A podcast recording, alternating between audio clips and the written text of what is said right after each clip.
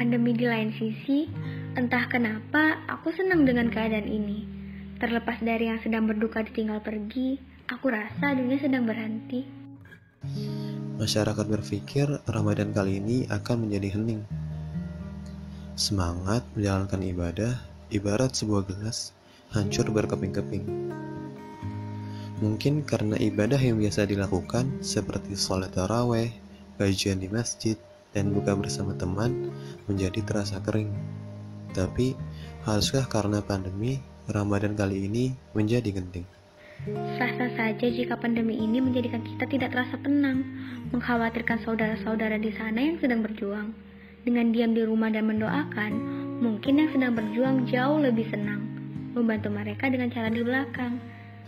Jika diputar arah, banyak hal positif dari perspektif yang berbeda bercengkrama bersama keluarga mungkin bisa menjadi lebih hangat jika dirasa.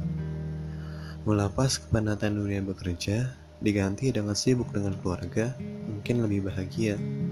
Kehangatan inilah yang mungkin kita lupa. Tuhan memberikan hikmat untuk kembali mengingatnya. Saat ini memang dunia terasa seperti berhenti.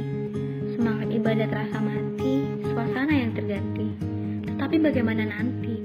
Ketika Al-Quran dicabut dari bumi, nikmat Tuhan telah diganti dan dunia sudah tak berarti.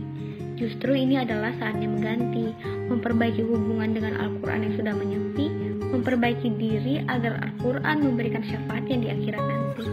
Semakin hari, semakin kita mengerti akan mahalnya harga silaturahmi. Dan dari peristiwa ini kita bisa belajar bahwa ada masanya kita harus beristirahat untuk membenahi diri belajar mengasah peduli dan berbagi, menemukan ikhlas dalam hati, demi melihat arti kebersamaan yang hakiki. Dan banyak jatuh yang Tuhan beri membuat kita untuk kembali.